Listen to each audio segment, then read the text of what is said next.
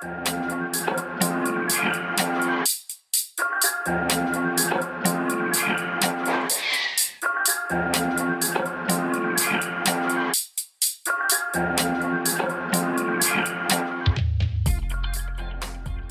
akşamlar herkese. Kendimizi tanıttığımız ve büyük ihtimalle de kimsenin ilgisini çekmeyen podcast'imizden sonra Prefield's'ın ilk futbol temalı podcast ile karşınızdayız. Bugün Oğuzhan'la gündem üzerine biraz muhabbet edelim istedik. Tabi bu kez ilk kayıttan daha farklı olarak biraz daha keyifli, biraz daha kendimiz olduğumuz bir kayıt alacağız. Hatta uzatmadan da konuya gireceğim ben. Sabah biliyorsunuz Premier Lig'de beklenen oldu. Yol ayrılığı gerçekleşti. Nuno hocamın Daniel Levy ve Fabio Patrici işbirliğiyle bileti kesildi. Ee, hemen ardından da tabii basın Conte diye çalkalanmaya başladı İngiltere'de hatta dünyada küresel olarak. Oğuzhan hoş geldin ve direkt konuyla başlayalım. Ne diyorsun olan bitene? Hoş bulduk Okan. Ya ben eee, bunu bekliyorduk. Ben Arsenal maçından sonra hatta biraz sular kaynamaya başladı. Hani neler olacak falan diye bakıyorduk. İki galibiyet almıştı Arsenal maçından sonra hoca. Ya bir noktada biz Manchester United konuşuyorduk hep. Eee, Tottenham bir anda ortaya çıktı. Nuno gitti. Conte diyorlar. Manchester United'la anılıyordu. Ama İtalyan hoca hiç oraya yüz vermedi. Şimdi Tottenham'a sıcak bakıyor. Ben bunu da çok konuşmak istiyorum zaten. Yani Conte niye Tottenham'a bu kadar sıcak bakıyor bunu da anlayamıyorum. Ee, Nuno ya biraz komik olacak ama sanki küçük takımın büyük hocası gibi oldu. Harry Kane'i kurtaracağım derken takımı kaybetti. Bence olay tamamen bunun özeti. Ya ben hatta direkt sana onu söyleyecektim. Ee, Nuno bence biraz saatli bombayı elinde buldu. Direkt bomba elinde patladı. Yani Harry Kane olayının göbeğinde kaldı ve onu aşamadı. Abi Harry Kane bu yani kulüpten gitmedi mi oynatacaksın, mecbursun. E nasıl oynatacağım, düzeni nasıl kuracağım falan. E tabii bir de ben e, şunu eklemek istiyorum. Arsenal mesela Guardiola'nın yanından Arteta'yı getirdi. Beklenti biraz yüksek olabilir, farklı bir şey olabilir ama e, Nuno Hoca'nın durumunda da Mourinho'yu göndermişsin. Hani Mourinho zaten son dönemde başarılı bir hoca değil. Her şey yolunda gitmiyor. E, belli sıkıntılar var. Ama sen Nuno'yu işte Mourinho ekolünden adamı getiriyorsun. Hani Guardiola'da Arteta'da bir gelecek vaat edildiğini görebilirsin. Hani Guardiola başarılı, devam ediyor başarılı olarak göreceli de konuşabiliriz. Ama Nuno, Mourinho çok bir fark yok. Tutmamış aşıyı devam ettirme kararı aldılar. E tabi işte bombada patlayınca elinde işler karıştı. Tabi sana direkt şöyle sözü vereceğim. Şimdi telefon elimde Twitter'a bakıyorum. Bir saat önce Fabrizio Romano 2023'e kadar Tottenham'a hayırlısı olsun Conte diye açıklamış gibi. Yani tabi resmi bir şey yok da son aşamadalar kararlar e, verilecek işte son detaylar konuşuluyor demiş. Bu iş oldu gibi. Ya bizim özelimizde biz Conte'yi zaten farklı bir boyutta bakıyoruz. Başardıkları çok ortada. Hatta Chelsea dönemi ardından Inter dönemi. Ee, benim merak ettiğim şu Conte döneminde Tottenham'ın şu an eksi 7 averajı var. 10 haftada 16 gol yedi. 9 gol attı. Ee, biliyorsun Conte'nin savunmada böyle bir hastalığı var. Takımca ileri çıkıp takımca geri dönüp takımca savunmada yerleşim. Sağa kayma, sola kayma. Hani şimdi bakıyorum Tottenham'ın savunma hattında bu kadar hızlı bir reaksiyon verebilirler mi bilmiyorum. Çünkü zaman zaman Erik Dyer oynuyor. Hani doğru bir sistem oturmadı gibi geliyor bana. Ve hücum bekleri çok ileriye çıkıyor Tottenham'ın. Ya kontra atak sistemiyle oynuyordu Nuna. Yani bu Wolves için evet harika bir oyun tarzı. Ama Tottenham için uygun mu? Evet Son var, işte Lucas var, Kane ileride. Fakat sürekli kontra bekleyemez bence Tottenham abi. Yani sen Big Six'te yer alıyorsun ve Şampiyonlar Ligi finali oynamışsın bundan 2 yıl önce, 3 yıl önce ve geldiğin noktada artık bu konuma nasıl düştün? Arsenal'da dalga geçiliyordu ilk 3 hafta sonunda ve Arsenal Tottenham maçından önce şu konuşuluyordu Okan. Hani Arsenal farklı bir galibiyet alırsa Tottenham onun altına düşecekti. Herkes korkmaya başladı. Yani Kuzey Londra derbisi ve ilk 3 hafta dalga geçmişsin. Bir maçta işler tersine dönüyor. E bir maçta olmadı ama 10 maç sonunda Arsenal şu an 2 puanda olsa Tottenham'ın önüne geçti. E Conte buraya gelecek. Bence inanılmaz bir transfer hareketi olabilir. Çok gelen olur, çok giden olur. O takımda baş üstünde baş bırakmayabilir yani. Ya kesinlikle öyle. Bence Harry Kane konusunda da 2017 yılında bugün okudum. Conte'nin bir açıklaması var. Kane çok özel bir futbolcu. Ee, gördüğüm en iyi forvetlerden biri diyor. E, beraber çalışacaklar şimdi. Ama ben başından beri şunu söylüyordum Okan. Yani Kane'i bence Tottenham'da tutmak yerine satıp yeni bir inşa sürecine girebilirlerdi. Çünkü zaten moral yok, motivasyon yok. İnanılmaz bir süreç geçmiş. Ve adam açık açık ben gideceğim diyor. İnatla takımda tutmaya kalkışılıyor. Ben çok merak ediyorum Conte nasıl bir tepki verecek duruma. Conte kesin kazanmaya çalışır ilk başta. Bir de abi şimdi Kane açısından da bak kupasız geçen bir kariyer. Bizim önemli eşiklerimizden biridir Oğuzhan'la. Adamı böyle bir oyuncu ya da bir hocayı e, konuşurken kaç başarısı var, kaç kupası var falan filan diye hani e, biraz egzajere ederek konuşuruz. Hani Bielsa falan açısından konuşmuyoruz. E, Kane de bu seviyeye geldi. Yaş kaç oldu? Kupa yok, başarı yok. Bir de Nuno geliyor ikna edemezsin adam abi. Hani Nuno ile nasıl ikna edeceksin? Ama Conte geldiğinde Kane abi Conte geldi. Evet bir şeyler değişir burada. Inter'le yaptıkları, geçmişte yaptıkları. Belki orada Kane'i kazanır. Ben orada bir değişik şeyler olabilir diye düşünüyorum ama savunmaya, orta sahaya, nerelere nerelere zaten o kesin bir sürü şartı koşmuştur. Kabul ettirip öyle geliyordur. Başka türlü mümkün değil. Peki şeye ne diyorsun? Ee, Nuno hocam Endombele'yi kazanmaya çalıştı. Biliyorsun Mourinho döneminde forma giyemiyordu. Hatta ayrılan, ayrılık süreci başlamıştı. Hani Bayern Münih'le anılıyordu. Nuno hocam Endombele'de ısrar etti. Ee, az çok demeden de biraz verim aldı. Sence Conte Endombele'de ısrar eder mi? Ya Conte için bak, bak şimdi Sissoko gitti şu an Watford'da. Endombele var elinde. Erik Dair'i stopere çevirdi Mourinho zaten. E, Nuno devam ettirdi. Adam orta sahada oynamayı unuttu. Endombele'yi en azından geçiş sürecinde kullanmak zorunda gibi geliyor bana. Şu an geliyorsa kulübün başına. Ne yapacak? Ne yapabilir? E, Harry Winks'lerle falan oynayacak değil ya bu adam. O ısıran futbolu. Endombele'ye kesin şans verir bence. Sen ne diyorsun? Ya kim ısıracak onu merak ediyorum şu an. Yani kadroya baktığım zaman hani orta saha rotasyonu beni şaşırtıyor. Ben hep biliyorsunuz Arsenal yorumlarken de hep bunu derdim. Sert, agresif, takımı diri tutacak bir oyuncuya her zaman ihtiyaç vardır. Yani Hoiberg tamam. Ee, ama sanki Hoiberg de Tottenham'da biraz da ofansif yönlerini gösteriyormuş bir hal büründü. Yani Hoiberg e, defansın yani, arkasına. Neydi ne oldu anlamadım. Adam böyle arkada kesiciyken hani biraz daha böyle box to box'a iyice evrildi gibi. Yani çok çok garip yani. yani orta saha rotasyonda kesin takviye. Kesin yani hiç düşünülmeden takviye. Hatta listeyi hazırlamıştır hoca. Teslim ben etmiştir yani. yani. Arkada, arkadaki e, kaleci de dahil diyorum hatta. Tüm şeyi değiştirebilir düzeni. Gerçi hani Handanovic'i çok kullandı. Loris'in tecrübesinden faydalanayım falan diyebilir de. Ben sana şunu soracağım.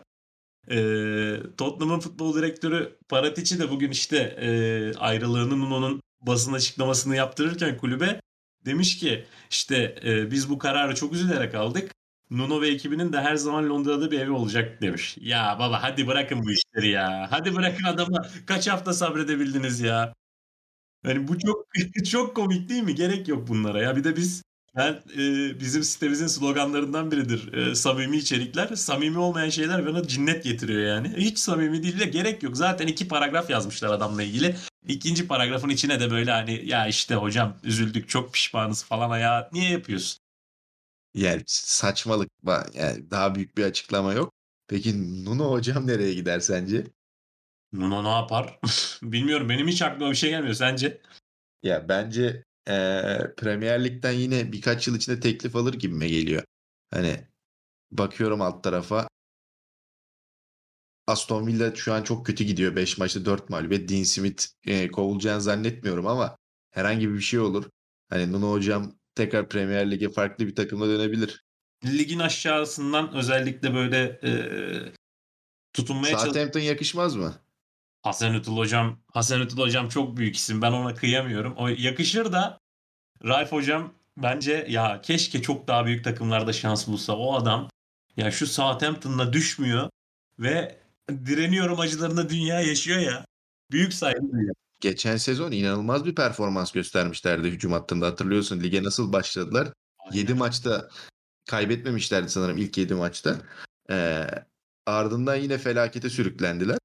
Ya büyük bir savaş veriyordu. Yani Southampton aynı şekilde o Leeds United yani Bielsa da kovulmaz. imkan yok kovulmasına. Zaten yeni sözleşme yeniledi. Ama alt tarafta baktığım zaman Burnley'de de kimse kovulmaz. Hani Norwich kendi kovuluyor zaten hiçbir şey yapamıyor. Norwich'in açıklamaları ne diyorsun geçen hafta? Hani biz kendimizi kanıtlayacağız. İşte biz buraya düşmek için gelmedik. Forma almaya gelmedik. Açıklamaları Yani yapıldı. Aynen. Biz asansör takım değiliz falan moduna girmiş böyle. Posta koyuyor. Yani ya abi bilmiyorum 10 haftada eksi 22 averaj. 3 gol atmışsın 25 gol yemişsin.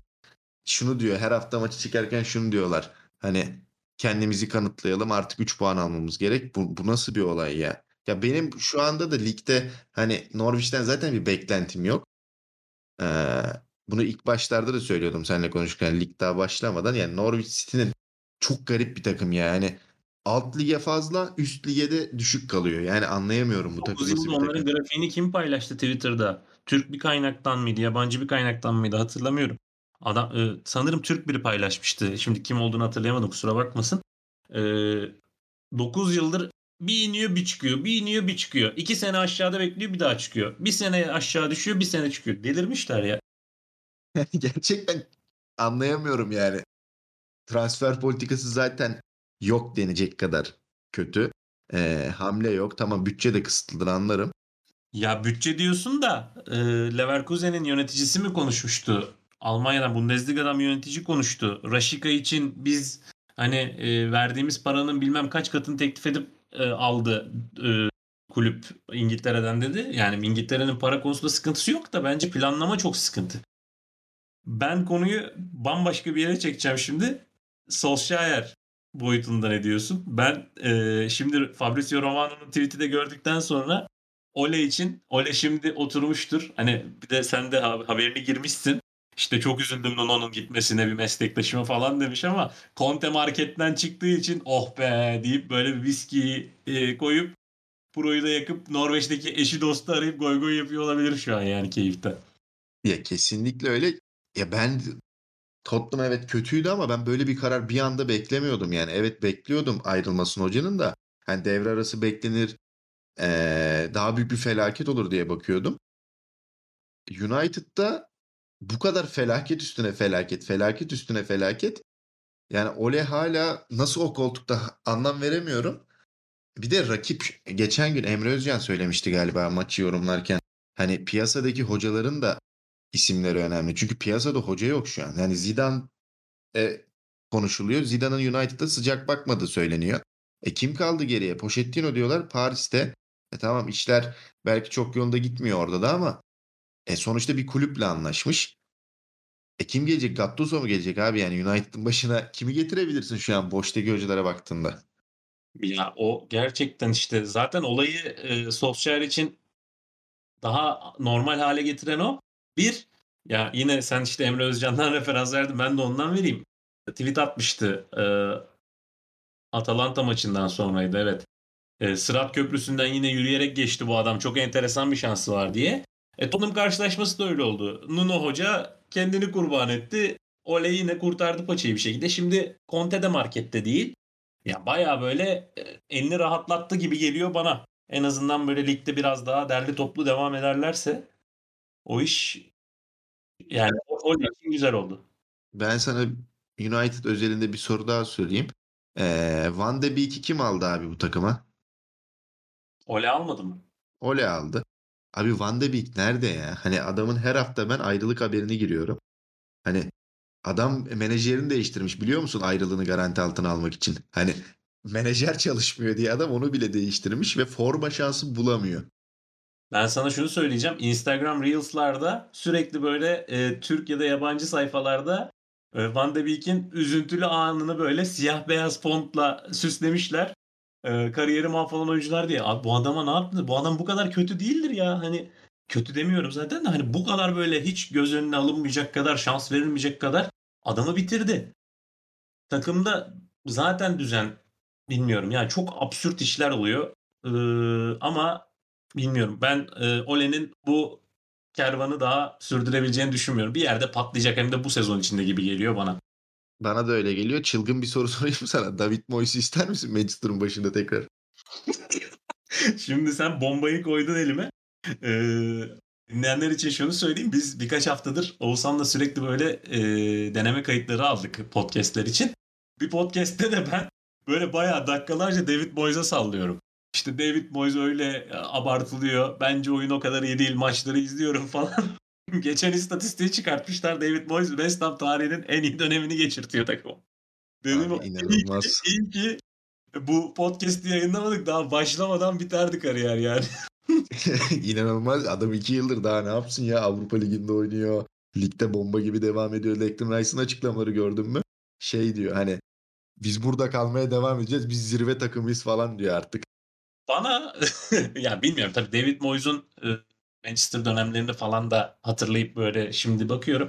Yani bilmiyorum yeteri kadar incelemediğimden ya da bakmadığımdan ya da analiz etmediğimden büyük olasılıkla ama sanki o West Ham'ın başarısını David Moyes değil de o işte çekirdek Declan Rice'lar, Suçekler, Antonio'lar böyle zaten takım bir yolunda gidecekmiş gibi geliyor. Tabii şaka yapıyorum şu an hani yani bu başarıyı hocadan almak mümkün bir ahlaksızlık olur yani böyle bir şey söylemek. ee, ama Manchester United'ın başına abi ya ama ya orada da şunu söyleyeceğim Oğuzhan. Ee, ya Sir Alex Ferguson öyle bir e, ağırlık, öyle bir çekim merkezi ki ya hangi hocayı getirirsen getir o ağırlığın altında, o çekimin altından kalkamıyor. Ole'de o ya Mourinho Mourinho kalkamadı abi. Hani Mourinho tamam iyi durumda değildi. işte geriye gidiyordu falan filan hepsini konuşursun ama oradaki temel olay yani Sör'ün o gölgesi seni rahat bırakmıyor. Hayalet kovalıyor seni yani. Yapacak bir şey yok. Oraya da böyle yani işte Zidane bence evet e, Alex Ferguson'ın gölgesi varsa benim hem futbolcu hem teknik direktör benim de bir gölgem var diye gelebilir ama da sempatik bakmıyor olaya, e, olumlu bakmıyor yani. Onun da kafasında ne var? Onu da merak ediyorum. Futbolla işi yok mu artık? Kime gideceksin yani? Nasıl bir kariyer planlaman var? Bilmiyorum sen kimi getirirdin? Hadi Ole gitti diyelim bugün. Ya ben ee, Zidane'ı görmek isterdim. Neden görmek isterdim? Hani ee, menajerlik kariyeri biraz sanki top takımlarda oldu gibi geldi bana. Zaten hazır kadrolar. Ee, ve direkt şampiyonluğa oynuyordu. Manchester United cephesinde biraz daha işler karışık ve rekabet çok yüksek. Hani hocalığını burada görmek isterim. Ama o olmazsa şu an aklıma gelen hani spesifik bir isim yok. Kim gelebilir? Kesinlikle alttan kimseye imkan vereceğini düşünmüyorum United'ın. Son söylentiler İngiliz bir menajer istedikleri yönünde. Hani Hadi Potter yakışmaz mı? Şu an ağzımdan aldın. Ben Graham hocama hastayım. Ama işte yani ya çok müthiş işler çıkarıyor. Bu sezon, önceki sezonlar yaptıkları delice işler. De ya şans verilecekse bir İngiliz menajere ben de Graham Potter'dan yana kullanırdım oyumu. Tartışmasız adamın yaptıkları falan. Yani üzerine söylenecek pek bir şey yok. Geliyor Kesinlikle böyle işte öyle. canavar Liverpool'un 2-0 yapıyor Liverpool. Diyorsun ki bu maç uçar gider. Böyle arada başka bir şeyle ilgili bir geliyorsun. Aa berabere bitmiş maç falan yani. Hani Brighton'la karşılaşan kimse yani hangi takım olursa olsun rahat edemez yani. Karışık bir ortam ya. United için karışık bir ortam. Kim gelir kim gider hiç bilmiyorum. Onu da onlar düşünsün diyorum yani. Bu takım 10 yılda ne hale geldi. Hani bunu biz Arsenal için de söylüyorduk. Wenger gittikten sonra ne olur ne biter. Ben Emery dönemini az çok beğeniyordum. Arteta'da beklentim çok yüksekti. Hani buradan da Arsenal'a geçeyim istersen. Aynen. Ee, geç öyle kapatalım zaten çok uzun tutmadan.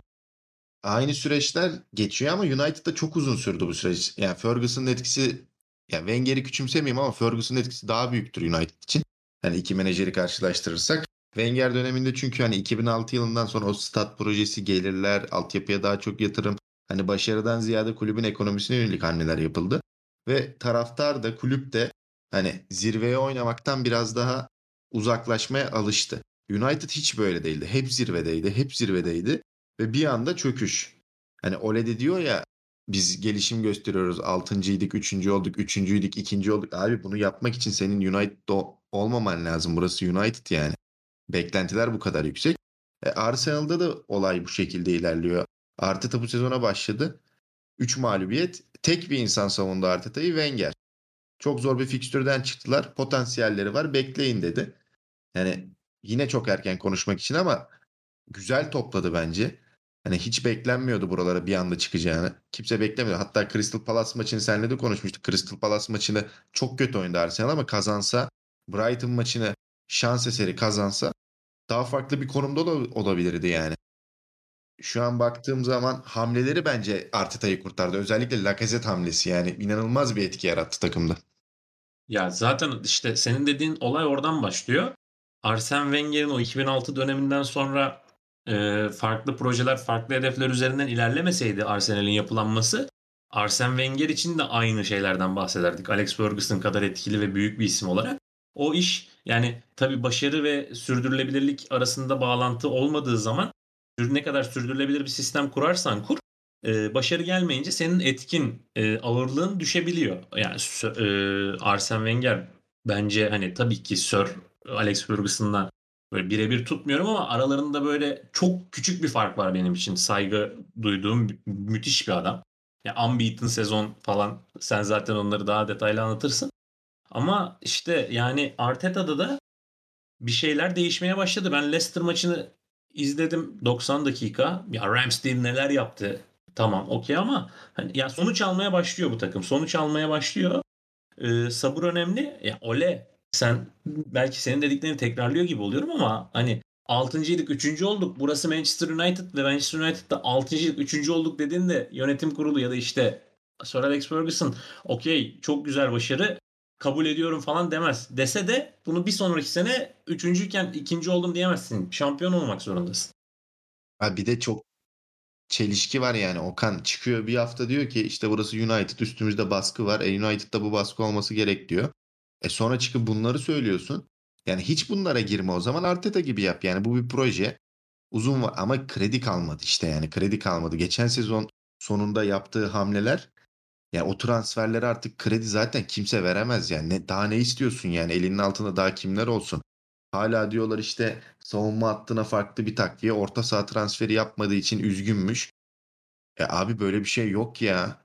Hani daha kimi istiyorsun arada? Hücum attı zaten israf bana sorarsan. İsraf ya yani. Problem, problemin temelinde o yatıyor zaten abi. Yani çok çok komik. Ee, orta sahan zaten ya abi Pogba yedek başlıyor. Bunun sebebini de ben sözleşme görüşmeleri olabilir diye bakıyorum. Yani sürekli bir yanar döner oynuyor Pogba'da. E, ben Pogba olsam ben de öyle oynarım sonuçta yani. O da başarı istiyor. Juventus'tan geldiğinden beri... United ortamında şu anki ortamda Pogba'nın hani ya evet ben sözleşmeye tak diye imza atıyorum demesini ben de bekleyemem. Ama abi hani futbol menajer oynarken bile şu anki Manchester United hücum hattı elinde olsa ya istediğin kadar düşün taşın kafayı yersin bir çare bulursun ama kulübün içi kesin karışır. Yani sürekli bir şeyler yapman gerekir oyunda bile. E, yani bu oyun değil insan yönetiyorsun. E işte Jadon'ı istiyorum. Ronaldo da gelsin. Greenwood var. Rashford var. Martial var. O var. Cavani var. Ya daha ne e, yani bu direkt bence hatalı bir kadro mühendisliğinin göstergesi. Yani şimdi Jadon Sancho o kadar para ver oynatma oynat. E, Greenwood parlayan yetenek oynatayım oynatmayayım. Rashford'u zaten oynatmaman mümkün değil. Ronaldo'yu aldın. E, ne yapacaksın? E, 4-0-6 mı oynayacaksın? Yani çok bilmiyorum. Orada böyle masaya yumruğunu vurabilecek bir adam lazım. Ee, Kesinlikle orası... öyle yani. Bence ben Conte daha ya Arsenal konuşacağız dedik giremedik. Çünkü United o kadar derin bir yara ki kim söylemişti geçen hafta ben yine onun içeriğine girdim. Hani Conte'nin neden United'a uygun olduğunu şöyle söylüyorlar elini masaya vurabilir. Oyunculardan beklentileri çok yüksek ve Conte'nin şu açıklarını biliyorsun hani e, ben oyuncumdan istediğimi yapmazsa onu öldürebilirim diyebilen bir adam. İşte sen dedin ya Tottenham bu kadar gol yedi. E, Conte başa geçsin. Tottenham öyle gol yemeye devam etsin. Devrede ya da maç sonunda e, elinde bıçakla falan dalar. Neşter. Direkt neşter vurulur gibi geliyor. Saldırabilir birilerine. İşte o ağırlığı sağlayacak adam lazım. Arsenal Son Arsenal kapatalım. Arsenal yapıp Lacazette'i biraz övelim. Hani gösterdiği performans. Ben Lacazette'i biliyorsun çıldırmıştım Lyon'dan ilk geldiğinde. Hani hatta sana şöyle diyordum hep bu bon servis bedelinde harika bir forvet. Ee, o dönem Benzema'nın ismi anılıyordu Arsenal'le. Ee, ama Lacazette tercihi olmuştu. Benzema'yı salmamıştı Real Madrid. E, gösterdiği performans dönem dönem iyiydi aslında Lacazette'in. Ve sürekli farklı sistemlerde denendiği için hep Aubameyang'ın arkasına düşüyordu. Bir dönem hatırlıyorsundur Aubameyang sol kanada geçmişti. Lacazette ileride oynuyordu. Ee, ama tam Arsenal hiçbir zaman Lacazette'den gerçek bir verimlilik alamadı. Kesinlikle. Yani bunu gol anlamında ya da asist anlamında istatistik kağıdından söylemiyorum. Topu tutma, topu oyuna sokma, oyunu açma, hani ee, yanındaki partneri rahatlatma. Ya bir çapraz koşuda bile zorluk çekildi yani. Ee, büyük bir problemdi. Ve şu, şu son 3 haftadır Lacazette sanki bir 10 numara bir gömülü oynuyor zaten. Yani Aubameyang ileriye çıkıyor. Lacazette arkasında orta sahaya gidip topu dağıtıyor, topu açıyor. Ve özellikle hızlı hücumlarda yani kontra ataklarda öyle bir top açıyor ki ya takım diyor ki sonunda herhalde ya Mesut'u da çok eleştiriyorduk. Ben Mesut hayranı bir adamım. Ama sanki buna ihtiyacı var ya. Ödegaard'ın fiziksel olarak düşük geliyor bana. Evet yaratıcı oyuncudur ama Lacazette'in hem fiziksel üstünlüğü hem oyun zekası hem de uyumu takımla inanılmaz bir verimlilik verdi. Keşke kontratını uzatsalar ama Lacazette de bence ee, yani sütten ağzı yanan yoğurdu üfleyerek yer muhabbeti artık yeter diyebilir. Ya ben ya seninle aynı şekilde ben Lacazette'in zaten o flüt gol sevincini durduk yere çok yaparım biliyorsun. Lacazette'e çok büyük saygı duyuyorum. Çok büyük oyuncu. Ama onu vuran ya hatta Arsenal'in genel durumunu özetliyor aslında Lacazette'den verim alınamaması. Lacazette gibi bir yetenekten, Lacazette gibi komple bir oyuncudan, liderden, takımı yönlendirebilecek, skor katkısı, asist katkısı, ruh verebilecek bir adamdan bunca yıldır ne kadar faydalanabildin? Ne kadar gerçek bir e, e, fayda getirdi takıma? İşte şimdi sen böyle takımı belli bir standarda oturttun. Ona da belki son dönemi hani uzatıp uzatmayacağı belli değil ama bir sorumluluk verdin. Daha standart sürdürülebilir bir ortamda ona görev verdin. Etkisini gördün. Ama sen bu zamana kadar bunu yapamadığın için Lacazette'i de işte kaybetme noktasındasın. Ondan önce birçok oyuncuyu da böyle kaybettin. Yani Mesut Özil işte sen diyorsun ya Mesut Özil hayranıyım. Mesut'un şu anki Mesut'un hayran değilsin. Hepimiz gerçek Mesut evet. Özil'i biliyoruz ve ona hayranız. Yani zaten o Mesut Özil'e futbol sahasındaki o Mesut Özil'e hayran olmayacak adam yok ama o Mesut Özil'i bile ya Mesut Özil'in işte spor sporculuğu, profesyonelliği dışında Arsenal'deki o e, sorunlar bocalattı. Pasifleştirdi, pasifleştirdi yani. Aynen, aynen öyle. Leicester maçını hatırlıyor musun? İki yıl önce Prefield'sa Mesut Özil bir şeyler deniyor diye bir içeri, e, gif koymuştuk. Leicester evet, City evet. maçı. İnanılmaz bir oyun oynamıştı. Ben delirmiştim. Yani zaten benim için hep söylüyorum. Arsenal bir Arsenal taraftarı olduğumu biliyor dinleyenler geçen podcast'imizden ama e, ben galibiyet ya da kupa için izlemiyorum. Tabii gerçekten iyi bir futbol izlemek için tutuyorum, izliyorum. Ve iyi bir futbola hasret kalmıştık. Ee, benim hep aklımda şu soru vardı. Arsenal neden Aubameyang'la Lacazette'i çift forvet 4-4-2 denemiyor? E, deneyemedi bugüne kadar. Neden deneyemedi? Orta saha o kadar zayıftı ki, o kadar pamuk gibiydi ki e, bunu ileride iki adamı ileriye atıp hem kanatlar çıksın hem bekler ileriye çıksın yapamıyordu Arsenal. Ya Şaka ile denendi, işte Şaka Enlin'i denendi. İşte farklı farklı alternatifler denendi ama olmadı. E şimdiki kadro e, Sambi genç iki ya. maç önce birazcık biraz e, bocalamıştı. Premier Lig'e bence yavaş yavaş uyum sağlamaya başladı. Yetenekli bir oyuncu. E, yanında parti olduğu zaman e, orta saha rahatlıyor. Ve Lacazette de ileride istediği alanı bulabiliyor. Aubameyang da istediği alanı bulabiliyor. Hatta Tavares belki dikkatini çekmiştir. Bir insan bu kadar bindirme yapabilir. Rahat. Yani ilk defa ilk defa sağlam bir görüntü veriyor arka taraf. E, kaleci performansı da üst düzey. Hani ben Leno'yu çok överdim. Hatta senle e, birbirimizi yerdik Leno konusunda. Leno'nun iki yıldır problemi e, tek başına kalmasıydı. Kimse desteklemiyordu Leno'yu. Ve iki yıl önce ya da geçen sene ligin en çok kurtarış yapan kalecisi falan ödüllerini topluyordu Leno. E, takım 6. oluyor, 8. oluyor. E, bunun bir anlamı yok. Şu an e, evet Ramsdale inanılmaz bir performans gösteriyor ama savunma attı da özellikle Tomiyasu e, formda bir Tierney ya da şu anki performansıyla Tavares bekler inanılmaz iyi. E, White'la Gabriel de uyum yakaladı. E, savunmayı çözdü. İlk defa Arsenal biraz daha böyle güven veriyor bana kadroya baktığımda. Yani doğru. Ee, ben şunu söyleyecektim. Yani tamamen benim biraz önce uzun uzun bahsettiğim şey doğru ve sürdürülebilir başarılı ortamı sağlarsan herkesin performansı artar. Şu an ben iddialı konuşuyorum. Leicester maçını bir kenara koyarak. Bernd Leno kalede olsun. Yine Yani işte Leicester'daki o ekstrem kurtarışı yapamazdı belki ama başka topları kurtarırdı. Yine o da çok iyi performans gösterirdi. Ben Leno'ya şu yüzden takılıyorum. Kısa kollu forma giyemez kaleci falan diye böyle benim bir takıntım var. Leno da o kısa kollu formayı giyince delirtiyordu beni. Ama yani Leno gerçekten çok iyi bir kaleci. Bence Arsenal onu hani kolay gözden Bonser, bonservissiz kaybedecek bu sene sonu. Yani e, ben Leno'yu alan e, çok güzel bir kar elde edecek ona eminim. Bayern Münih diye düşünüyorum ben.